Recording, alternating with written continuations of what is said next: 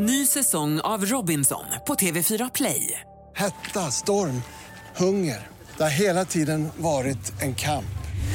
Nu är det blod och tårar. Fan händer just nu. Det. är Detta är inte okej. Robinson 2024, nu fucking kör vi! Streama söndag på TV4 Play.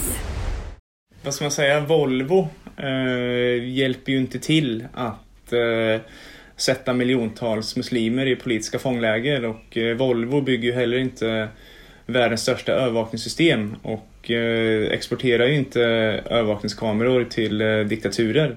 Men man, jag tycker faktiskt man kan dra en parallell till att eh, ha, ha, ha kontakter med Tyskland under 40-talet till exempel. Du lyssnar på Gränslandet, Expressens satsning på att förklara idrottens plats i världen. Jag heter Noah Bachner. Du hörde precis Jojo Olsson som är journalist, författare och mångårig skribent i Expressen och bosatt i Asien sedan 2007, däribland i Peking. Du hörde även Karin Olsson som är kulturchef och ställföreträdande utgivare på Expressen. Och det här låter ju som en tung lineup. Och det är det ju också. Alltså inte jag såklart, men, men de andra. Eh, och i det här avsnittet ska vi prata om Kina. Varför då, undrar du? Ja, skälen kan ju vara ganska många. Den kinesiska regimen har varit väldigt aktiv på idrottsscenen under 2000-talet. Men det finns en tydlig koppling till Sverige. Simstjärnan Sara Sjöström är en av det här landets främsta och mest berömda idrottare. Hon är också affischnamn för den kinesiska telekomjätten Huawei. Alla stora idrottare tecknar stora sponsoravtal. Så vad är det då som är speciellt med Sjöström och Huawei? Ja, vill man utforska den frågan, då finns det en poäng i att först diskutera vad den politiska ledningen i Kina vill att landet ska vara. Hur har Kina förändrats under Xi Jinpings ledning? Jojje Olsson beskriver det Peking han kom till 2007 som en smältdegel. Numera är han svartlistad av regimen och har flyttat därifrån. Men han är långt ifrån ensam om att ha påverkats av en mer repressiv politik. Det märks även utanför Kinas gränser.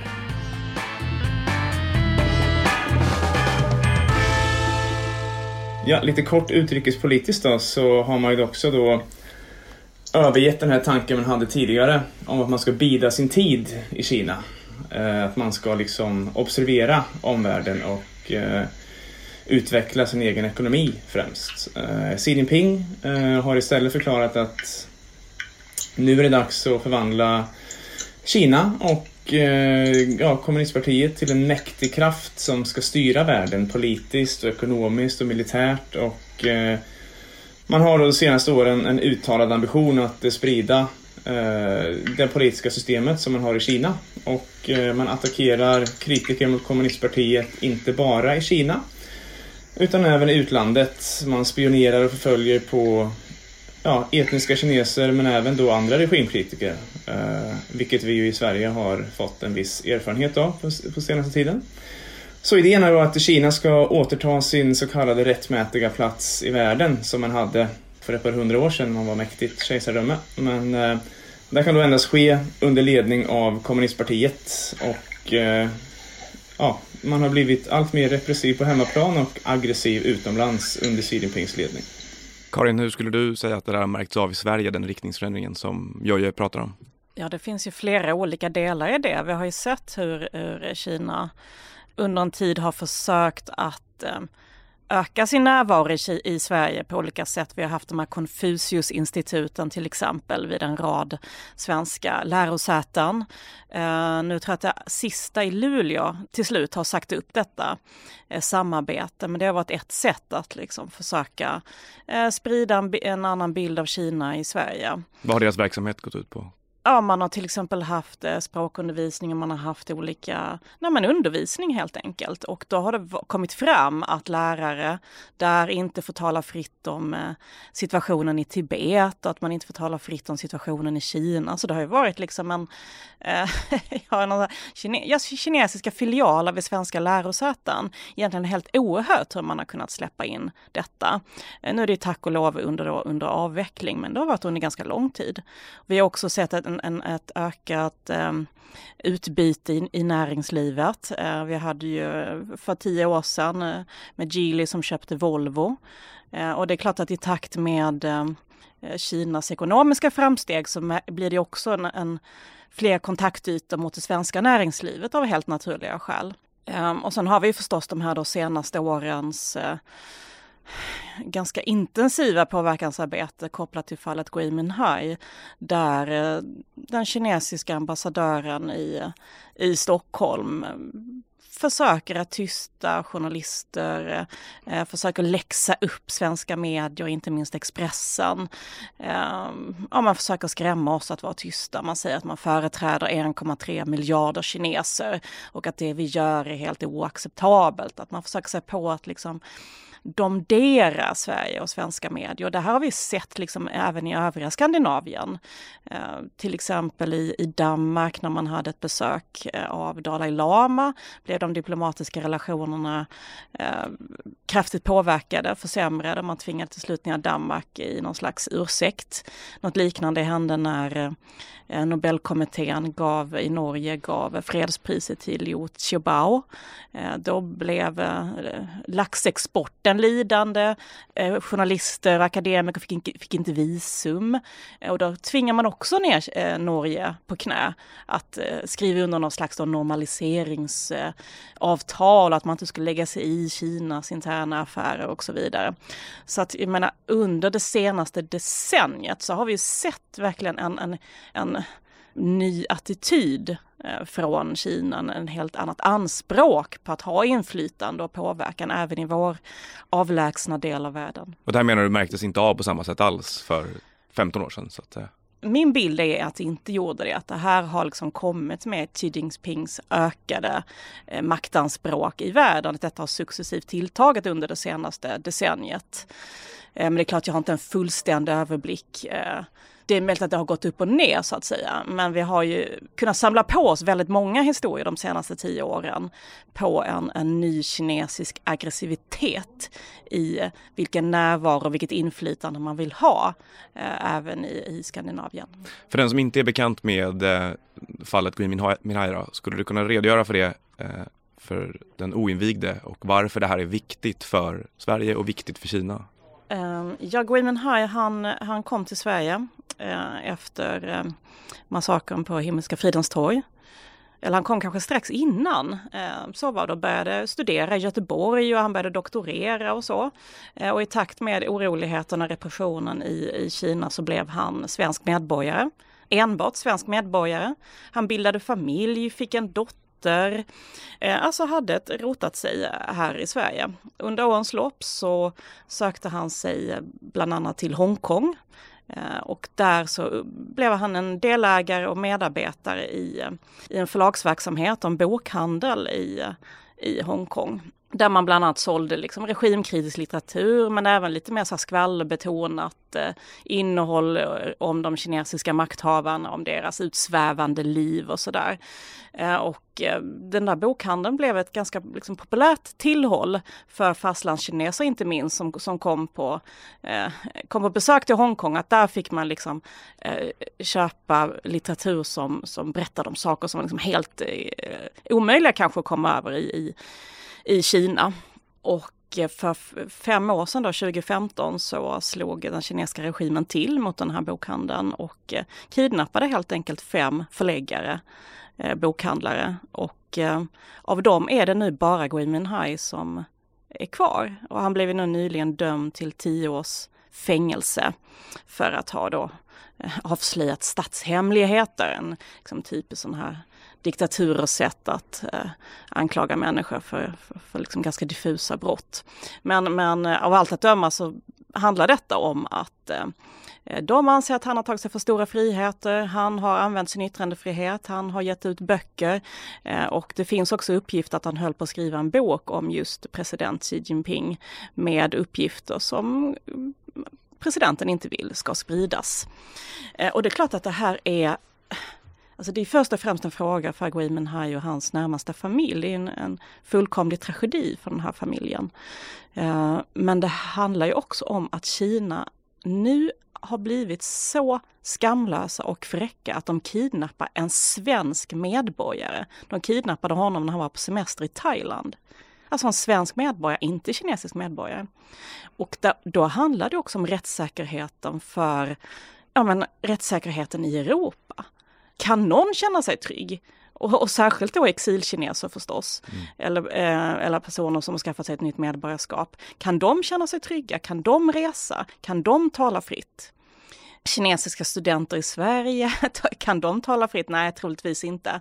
Alltså det här visar ju på hur Kina nu gör anspråk att eh, ja, men kontrollera det fria samtalet och offentligheten liksom långt utanför Kinas gränser.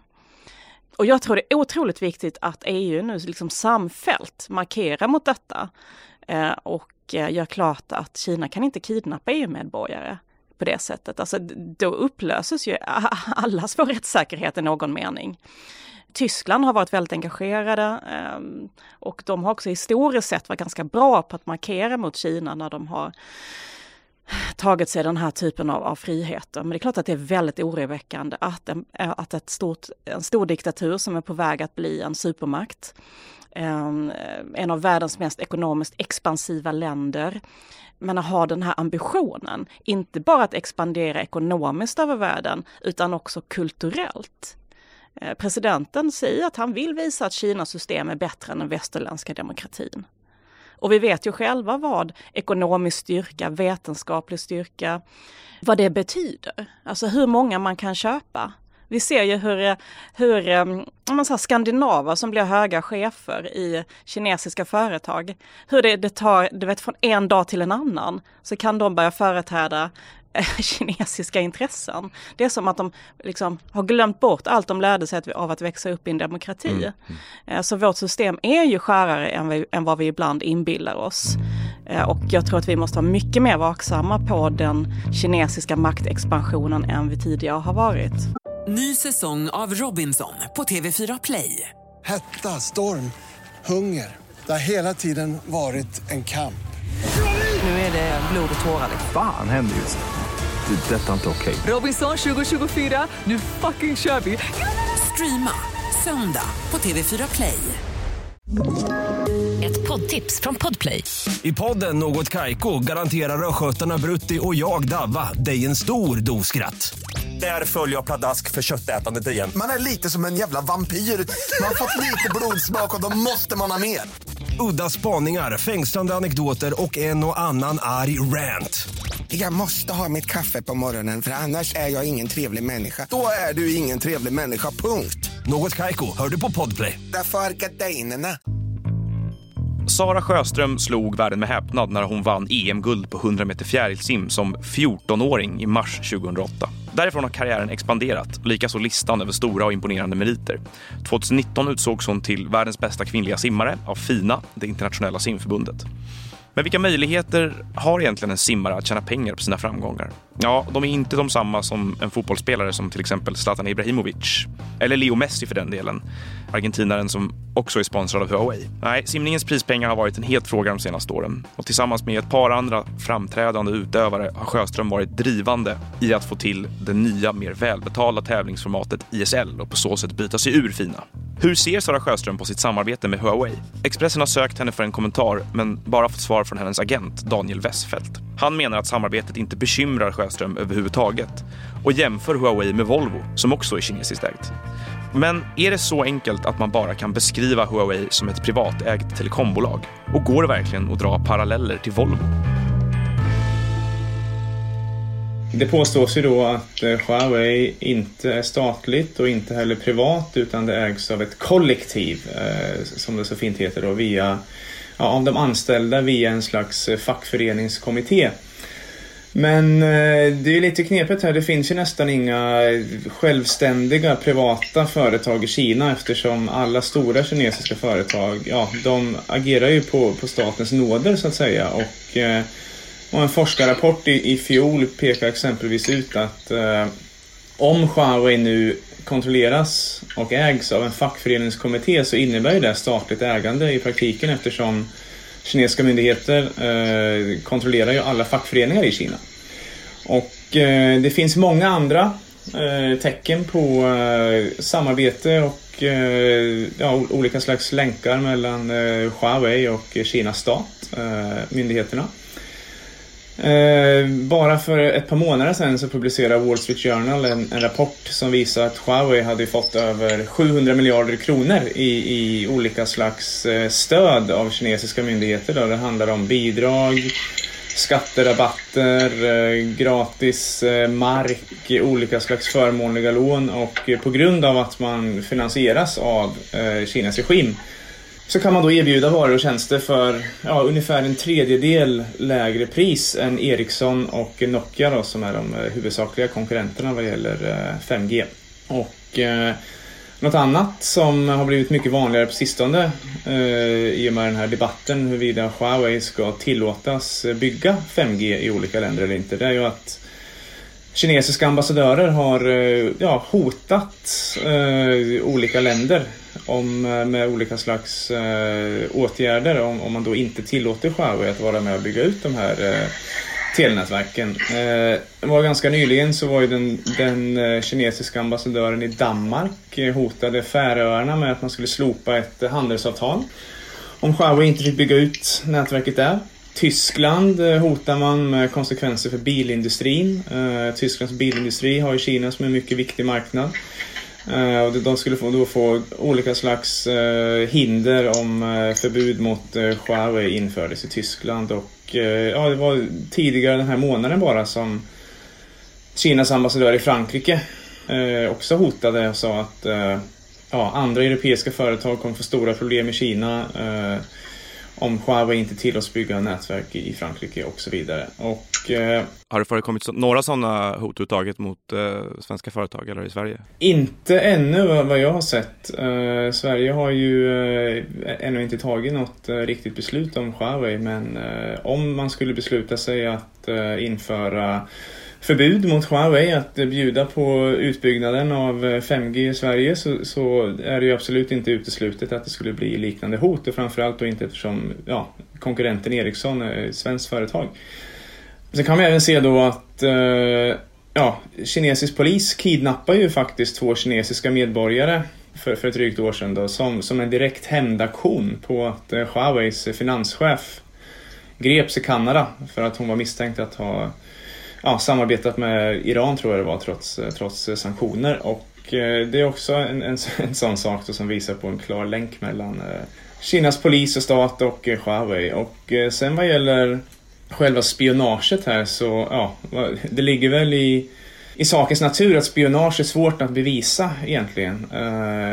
Det, det kom en rapport i fjol som Vodafone, som ju är Europas största telekombolag, avslöjade att de hade hittat eh, slags bakdörrar i mjukvaror som levereras från Huawei. Men eh, ja, för att eh, tala om spionage här så behöver man inte ha den här sortens bevis. För vad, vad saken gäller är ju att den, som, den aktör som bygger upp och styr 5G-nät har ju per automatik tillgång till väldigt stora mängder information och kritisk infrastruktur och sen är ju frågan om den här aktören då, som är Huawei i det här fallet, kommer dela med sig av den här datan och eh, de här funktionerna till, till den kinesiska regimen. Och eh, där blir ju svaret ja. För det måste Huawei göra enligt kinesisk lag. Under Xi Jinping, vi pratade förut om hur Kina blivit mer eh, repressivt då, så att säga under Xi Jinping. Och, eh, två nya så här, omfattande och väldigt svepande lagar som har införts under Xi Jinping som ofta pekas ut i debatten om Huawei. Eh, en lag om kontraspionage från 2014 och sen en nationell underrättelselag från 2017. Och de här lagarna innehåller ju då olika slags eh, gummiparagrafer som, eh, som då menar att alla individer och alla företag i Kina måste samarbeta med myndigheter och polis och eh, åklagare och utlämna all information som, som de här efterfrågar då, vid minsta misstanke om brott. Så även om Huawei och eh, till och med då eh, de nordiska cheferna i Huawei de säger att de aldrig kommer dela med sig med den här informationen till kinesiska myndigheter så det är ju en lögn för att eh, enligt kinesisk lag så kan Huawei inte neka Eh, en eh, efterfrågan eller en begäran från eh, myndigheter eller polis om eh, all slags information eh, som de vill ha. Och sen vad gäller den här situationen i västra Kina, i Xinjiang, med förföljelsen mot uigurer och andra muslimer. Där är ju samarbetet helt öppet mellan Huawei och Kinas säkerhetstjänst. Eh, man kollar i statliga medier eller lokala myndigheters hemsidor så det står det vitt och brett om hur Huaweis eh, produkter och Huaweis tjänster används för olika slag av digital övervakning och man pratar om att digitalisera den allmänna säkerheten med Huaweis hjälp och det handlar ju om allt från ja, kamerasystem, övervakningskameror skanning av miljontals ansikten och eh, skapa sådana här etniska databaser som, som används som grund helt enkelt för att ta folk till politiska fångläger i, i Xinjiang. Och eh, Huaweis ledning och chefer undviker alltid att svara på frågor om Huaweis roll i Xinjiang. Men eh, när man tittar på kinesiska hemsidor och kinesiska medier så talar de öppet om hur viktigt det är att samarbeta med Kinas säkerhetstjänst och, och myndigheter. Karin, även i Sverige så kommer ju varningssignaler från till exempel Försvarshögskolan om Huawei och eh, det går ju att länka samman med det du beskrev tidigare här med ökat kinesiskt intresse för vad som pågår i Sverige. Hur ska man förstå att Sverige är intressant för Kina eller varför är Sverige intressant för Kina? Ja, jag tror man ska förstå det på det sättet att eh, Kina har ju enorma ambitioner och där är Sverige en, en liten del Eh, men dock en del. Alltså det här handlar ju om, om faktiskt om att eh, i någon mån upprätta någon slags kinesiskt världsherravälde.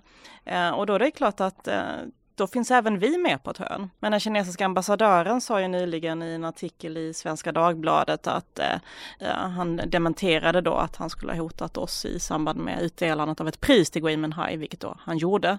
Men han sa så nej, men Kina, eh, Sverige är alldeles för litet och betydelselöst för att hota. Men samtidigt så ser vi ju att det finns ett väldigt intresse för Kina. Det är klart att vi är ett land med med innovationskraft. Eh, eh, vi är ett land med många duktiga ingenjörer. Vi har eh, tekniktäta företag. Ehm, vi är en del av EU. Det är klart att vi är av intresse för Kina. Vi ser ju också stora investeringar, kinesiska investeringar i Göteborg, där vi har många jobb nu som är beroende av kinesiskt mm. kapital och engagemang. Men det är klart att man zoomar ut så är Sverige en ganska liten del av eh, menar det kinesiska, den kinesiska intressesfären. Men att ha hela Västafrika, ha alla eh, menar infrastrukturinvesteringar på andra håll i Europa.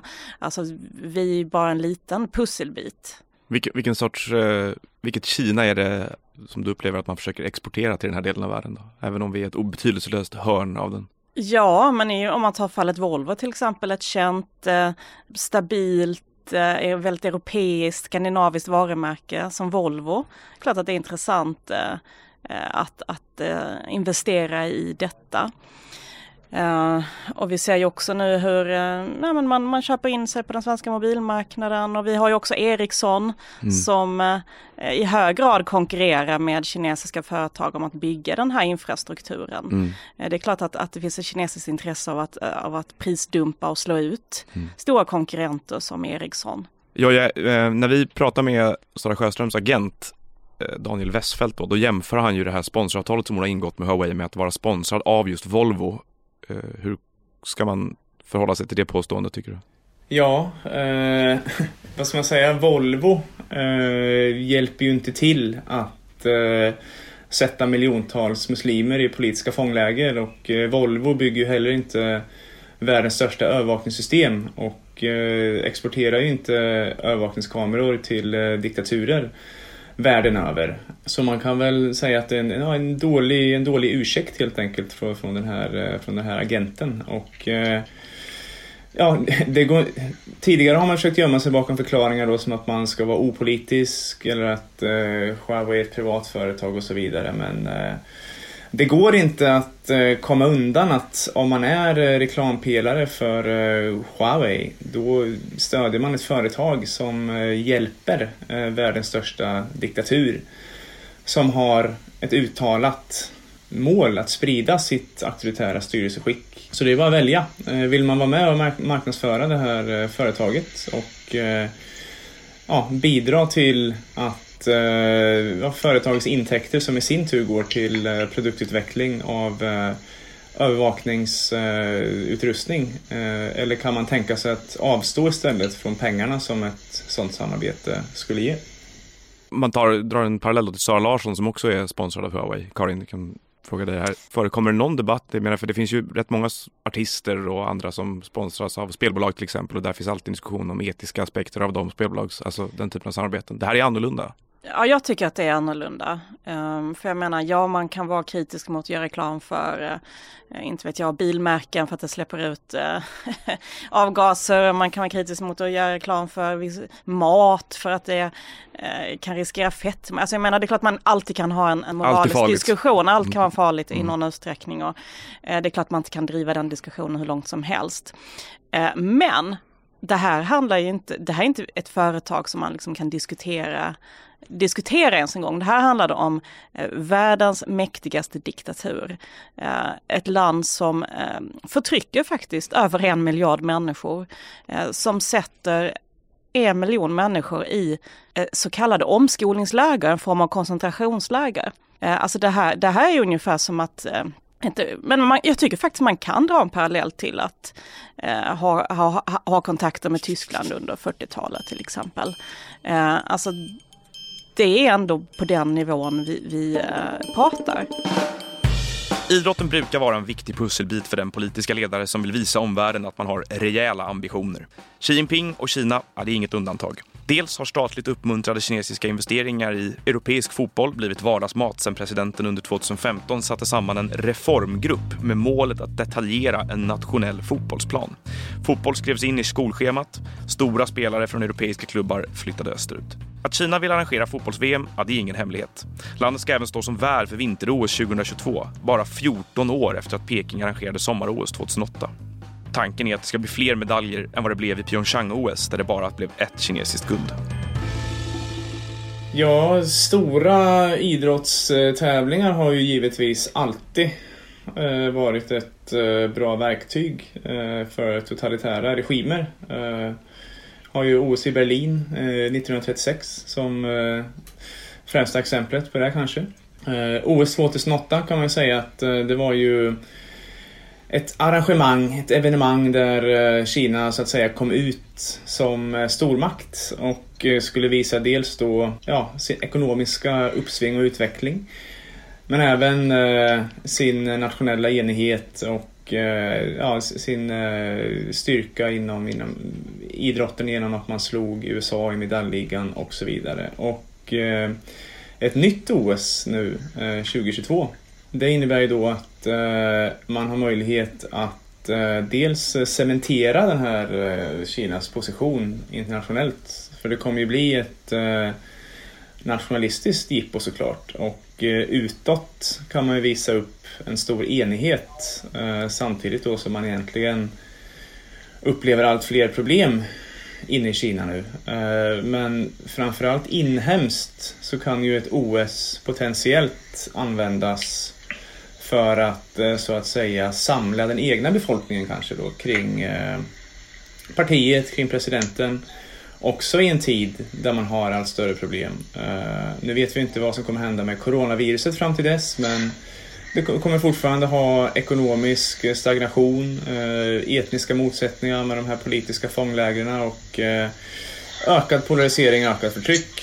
Och då passar det ju bra att eh, fylla nyhetssändningarna med eh, ja, förberedelser till OS och eh, rapportering om idrottsframgångar och om eh, omvärldens eh, förundran över hur eh, välorganiserat den här stora idrottstävlingen är i Kina. Hur ska man förstå eh, kinesernas förhållande till idrott? Då? Motsvarar det regimens ambitioner eh, liksom, i termer av folkets intresse för det här? Eller är det så att man använder det som som ett sorts politiskt verktyg men det är inte ett jättestort, en jättestor idrottsnation rent folkligt. Ja, eh, det är ganska intressant här för eh, som med så mycket annat i Kina så blir ju idrotten blir ju så intressant som de statliga medierna beslutar sig för att göra det givetvis. Om man eh, trummar upp det här till en väldigt viktig händelse så kommer den allmänna debatten kretsa kring OS och eh, överhuvudtaget så, så kommer de eh, ja, nationalistiska känslorna att sättas igång. Men eh, det här med idrott i Kina då, i och med att jag själv har bott i Kina eh, 7-8 år. Det är ganska intressant för att man satsar ju väldigt mycket på att få fram elitidrottare och som sagt då 2008 så vann man ju medaljligan mot, mot USA och man satsar ju väldigt hårt på de här statliga programmen där ja, eh, idrottsstjärnorna fostras upp från att de är barn helt enkelt till, till att de blir eh, till att de blir eh, vuxna och tävlar på elitnivå världen över. Men samtidigt så eh, är det inte lika utbrett med idrott i de breda folklagren i Kina och eh, det finns det flera anledningar till. Jag minns en sak som var väldigt intressant och eh, när jag bodde i Peking så kände jag en eh, svensk kille som jobbade med löpträning och olika former av eh, Friskis och Svettis. Eh, startade ett stort, eh, stor organisation för det här och eh, när han var runt ute i skolorna och försökte uppmuntra dels barn att idrotta men även föräldrar att uppmuntra sina barn att idrotta så kom man ständigt tillbaka till det här problemet att det största bekymret för kinesiska föräldrar var hur lång tid kommer den här idrotten ta från mitt barns eh, studier varje dag eller varje vecka? Eh, så att i ett samhälle som Kina där eh, som jag säger, konkurrensen bland studenter är väldigt tuff och man prioriterar så kallad rotinlärning då när man måste lägga väldigt, väldigt stor tid på att göra olika slags läxor och komma ihåg olika saker så blir idrott, dels hos barn men framförallt givetvis hos föräldrar så blir det någonting som tar viktig tid från, eh, från barnens studier och barnens framtids eh, eh barnens ekonomiska framtid och eh, yrkeskarriär. Så man kan väl säga att Kina, det systemet som man eh, har etablerat, är väldigt eh, duktigt på att få fram elitidrottare för att ja, man, man sätter helt enkelt många Eh, blivande elitidrottare på olika slags internatskolor där man bara ägnar sig åt idrott. Men vad gäller idrott i de bredare folklagen så är det inte riktigt lika utbrett som exempelvis i, i Sverige eller många andra europeiska länder. Karin, hur tycker du man ska förstå då eh, själva ambitionen med sportswashing i det här? För att eh, jag, jag, kan ibland tänka på att om man vill exportera kultur till exempel från Kina till resten av världen eller påverka andra länders på olika sätt så vi ser ju inte jättemycket västerländskt anpassade liksom, produktion av tv-serier för att exportera eller marknadsföra kinesiskt liv eller Kina. Men däremot så sker stora investeringar från kinesiska affärsmän i europeiska fotbollsklubbar och fram och tillbaka. Och man hämtar spelare och andra idrottare till Kina. Vad är det som gör att det här är en, en viktig arena men inte andra? Alltså Kina lägger ju enorma summor på liksom den här mjuka makten, man har enorma medieinvesteringar ja, men, över stora delar av världen och, och man försöker ju verkligen påverka även annan kultur, eh, inte bara sport. Eh, och man har köpt produktionsbolag och så vidare. Man äger faktiskt, eh, alla svenska biografer till exempel är kinesiska ägda. Eh, inte, vi har kanske inte sett något resultat av det än, men, men, men, man skaffar sig en infrastruktur även på de områdena. Men jag tror att det här med sporten är särskilt viktigt för att det är sån enorm kulturskillnad mellan västvärlden och Kina. Det finns jättestora språkbarriärer men också enorma kulturella barriärer. Det är så olika samhällen, olika sätt att liksom se på auktoritet och eh, sätt att vara. Alltså det, det, det, är så, det är två helt olika världar. Och det är ju ändå idrotten en plattform där man eh, jag menar snabbt kan visa upp framgång och snabbt bli beundrad. Alltså det är en ganska okomplicerad på det sättet form av mjuk makt. Um, och sen är det också någonting med idrotten, men som, som eh, Jojje pratade om tidigare, att eh, en, en viktig liksom symbolisk arena.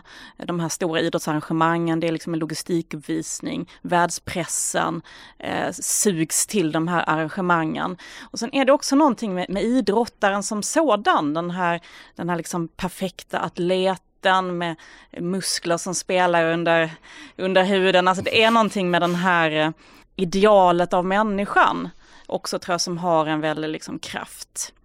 Ehm, um, också mer på något sätt universell. Vi kan beundra den här människan som hoppar högst eller springer snabbast oavsett var den kommer ifrån. Och det gör också att idrotten har den här liksom omedelbara kraften. Medan det kanske är svårare att göra filmer som, som funkar i, i hela världen och så. Men jag menar, mm jag är själv, jag menar på den tiden jag tittade väldigt mycket på film, då har jag blivit golvad av liksom kinesiska filmer. Så jag menar det är klart att det, det går också, men det är kanske svårare. Mm. Om man tar, eh, då, du pratar om exempel, vi tog upp tidigare historiska exempel på andra eh, mer eller mindre auktoritära stater som har eh, tyckt att det här varit viktigt också. Eh, jag tänker själv bara spontant på Sovjetunionen som gjorde stora ansträngningar för att vara väldigt framgångsrika inom idrott också. Tycker du man kan hitta fler exempel? Ja, men alltså hela, menar hela Östeuropa då, mm. eh, hela östblocket då, jag menar alla, alla dopingskandaler, hur man mm. verkligen ville pressa fram de här idrottsresultaten. Eh, men jag ser ju nu själv på, på, min egen son som spelar pingis i spårvägen, liksom, Jo Wallners gamla klubb. Hans stora idol är ju, är ju kineser och Malong som är världens bästa eh, pingspelare. Och mm, mm. Det visar ju verkligen, och, och, samtidigt så kan han inget annat om Kina. Det visar ju all sin enkelhet vilken kraft idrotten eh, har. Den är så enkel att förstå. Ja, hur, tycker, hur uppfattas det i Kina som att det här går? Då? För att jag tror att väldigt många som eh, följer till exempel europeisk fotboll upplevde en våg av kinesiska framsteg, eh, eller vad ska man kalla det för, investeringar och eh, närmanden av europeisk fotboll under fall, framförallt 2015-2016 och sen avtog det där lite grann medan spelare fortsatt att flöda bort till den kinesiska ligan. Hur upplever man från, från kinesiskt håll att den här satsningen på framförallt fotbollen då som är världens största sport går? Ja, det finns ju en enorm eh, besvikelse till att börja med eh, med det kinesiska fotbollslandslaget som eh, ju bara har tagit sig en gång till, till VM och ja, inte gjort ett enda mål där faktiskt. Och sist i kvalet så förlorar man mot Syrien och ja, man spelar ju viktiga matcher mot Hongkong då givet spänningarna mellan Hongkong och Kina men man lyckades inte göra mål mot Hongkong heller utan det blev två 0-0 matcher där då.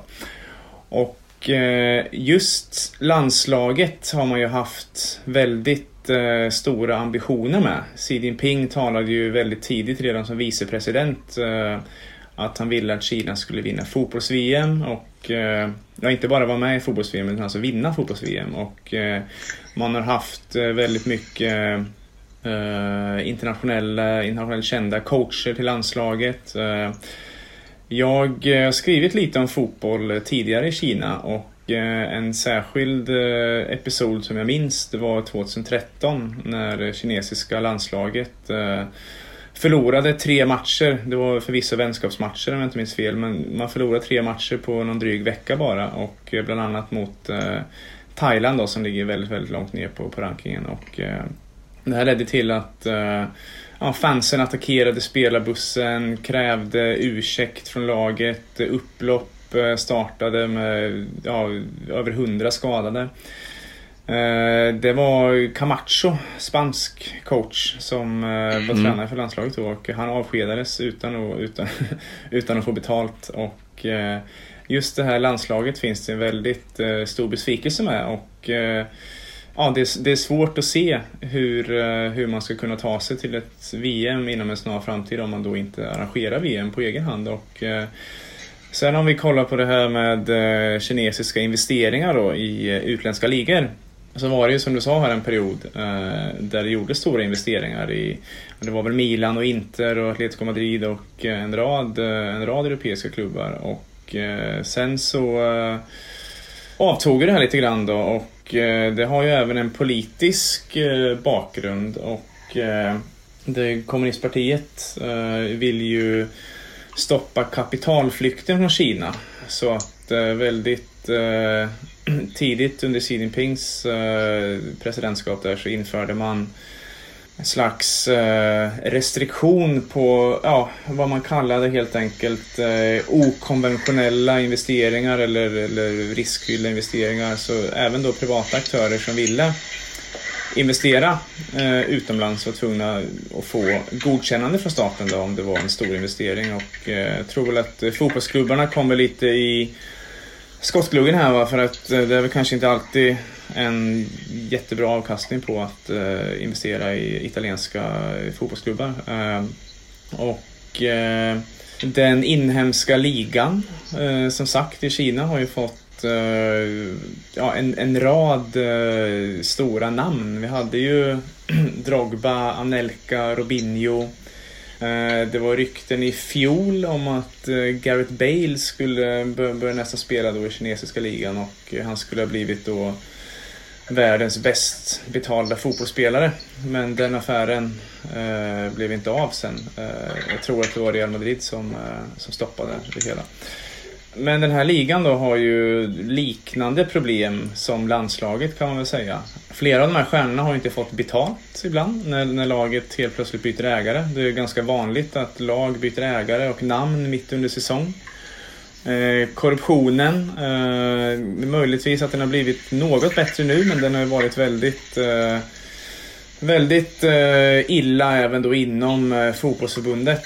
Eh, det var för några år sedan som eh, eh, ja, vice ordförande i fotbollsförbundet dömdes i tio års fängelse i en stor skandal. Som handlade om eh, uppgjorda matcher och korruption och eh, landets domarbas blev också dömd till, eh, till fängelse där. Och, eh, det finns en eh, viss eh, ja, oförutsägbarhet, för att uttrycka det milt, eh, med, med kinesisk klubbfotboll. Eh, så då det här fotbollsförbundet har ju det handlar ju ofta om politiska tillsättningar och eh, i samband med den här eh, härvan då när, när mängder med, med folk dömdes för eh, matchfixning och korruption så var det flera ja, flera personer ur eh, Kinas fotbollsförbund som, som ja, sa att de har aldrig sett en fotbollsmatch helt enkelt. De sitter i förbundet på andra, andra kriterier. Och eh, en annan episod som var väldigt, som skapade väldigt stora rubriker var när eh, det största klubblaget i Kina, heter Guangzhou Evergrande, det här måste varit i alla fall en tre fyra år sedan. Eh, de eh, meddelade då att lagets ägare som då var en fastighetsmagnat eller ett fastighetsföretag av någon form. Eh, på grund av att landslaget presterade så dåligt så eh, beslutade man att man skulle skicka spelare till patriotisk utbildning om de gjorde dåligt ifrån sig i landslaget. Och eh, man skulle då även bötfälla spelare som gjorde dåligt. Och jag, jag, vet inte vilka kriterier de skulle använda för att bestämma huruvida de hade gjort en dålig match eller en bra match. Men det var då Marcelo Lippi som tränade, som tränade Guangzhou Evergrande och han var ju då tvungen att uttala, uttala sitt stöd också för, för de här eh, det här beslutet och de här straffen. Men han, men han skickades inte på patriotisk utbildning?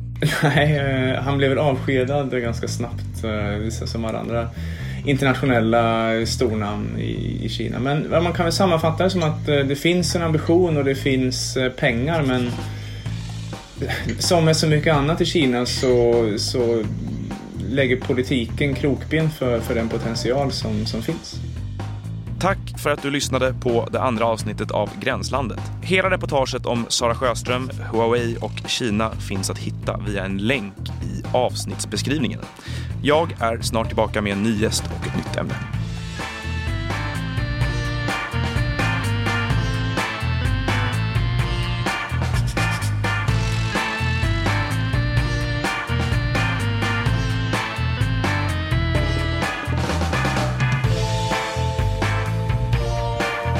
Har lyssnat på en podcast från Expressen. Ansvarig utgivare är Klas Granström. Ny säsong av Robinson på TV4 Play. Hetta, storm, hunger. Det har hela tiden varit en kamp. Nu är det blod och tårar. Fan händer just det. Det är detta inte okej. Robinson 2024, nu fucking kör vi! Streama söndag på TV4 Play.